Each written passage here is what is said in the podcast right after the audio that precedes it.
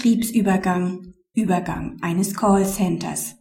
Bei einem Callcenter steht die Kundenbetreuung durch die Mitarbeiter im Mittelpunkt, sodass eine Übernahme der Hauptbelegschaft auch dann zu einem Betriebsübergang führen kann, wenn daneben keine Betriebsmittel übernommen werden.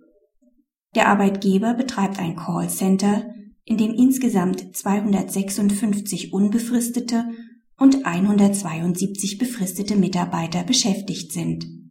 Die erbrachten Dienstleistungen bestehen insbesondere in der telefonischen Auftragsannahme und Kundenberatung auf einfachem Niveau, sogenannte First-Level-Tätigkeiten.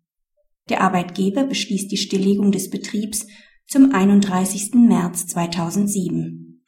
In diesem Zusammenhang werden sämtliche laufende Vertragsverhältnisse, wie etwa der laufende Mietvertrag und Auftragsverhältnisse mit externen Firmen gekündigt und die vorhandenen Betriebsmittel veräußert oder entsorgt. Parallel dazu wurde ein neues Unternehmen gegründet, dessen Betriebszweck unter anderem die Fortführung der bislang vom Arbeitgeber angebotenen Dienstleistungen ist.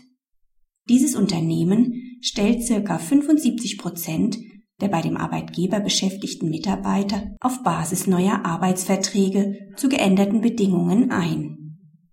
Die übernommenen Mitarbeiter werden zum großen Teil umgeschult und für höher qualifizierte Tätigkeiten im Second-Level-Bereich qualifiziert.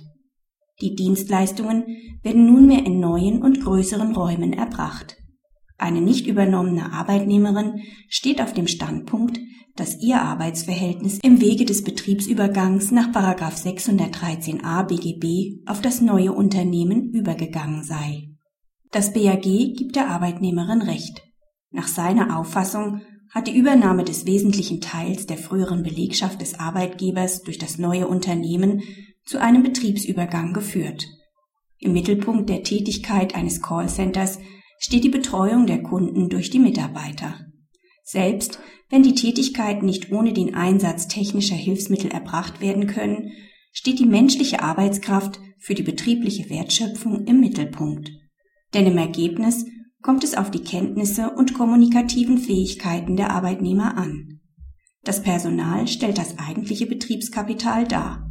Das neue Unternehmen hat einen nach in Zahl und Sachkunde wesentlichen Teil des Personals unter Wahrung der Identität der wirtschaftlichen Einheit Callcenter übernommen. Eine Änderung des Betriebszwecks durch den neuen Inhaber liegt nicht allein darin, dass die Mitarbeiter von First-Level-Tätigkeiten auf Second-Level-Tätigkeiten umgeschult wurden. Denn der neue Inhaber hat das vorhandene Fachwissen der Beschäftigten genutzt und die Dienstleistung Kundenservice im Kern beibehalten. Insbesondere werden neben den Second-Level-Tätigkeiten auch weiterhin First-Level-Tätigkeiten angeboten. Auch die Tatsache, dass die Dienstleistung nunmehr in anderen, neuen und größeren Räumen ausgeübt wird, führt nicht zu einem Verlust der Identität der wirtschaftlichen Einheit. Zum Zeitpunkt der Übernahme der Hauptbelegschaft hatte das neue Unternehmen nur eine untergeordnete Anzahl von eigenen Mitarbeitern. Es handelt sich somit nicht um den Fall, dass ein erworbener Betrieb bei dem Betriebserwerber nur einen kleinen Teilbereich innerhalb einer wesentlich größeren Aufgabenstellung oder Arbeitsorganisation darstellt. Auf die Entscheidung des EuGH in der Sache Klarenberg gegen Ferrotron kommt es somit nicht an. Ausblick. Bei der Entscheidung handelt es sich um das erste Urteil des BAG zum Thema Betriebsübergang in Callcentern.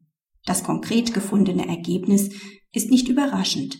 Wichtiger scheint der daraus zu ziehende Umkehrschluss, da nach Auffassung des Gerichts in Callcentern die menschliche Arbeitskraft im Vordergrund steht, vermag allein die Kündigung und Neuvergabe von Dienstleistungsaufträgen einen Betriebsübergang nicht auszulösen.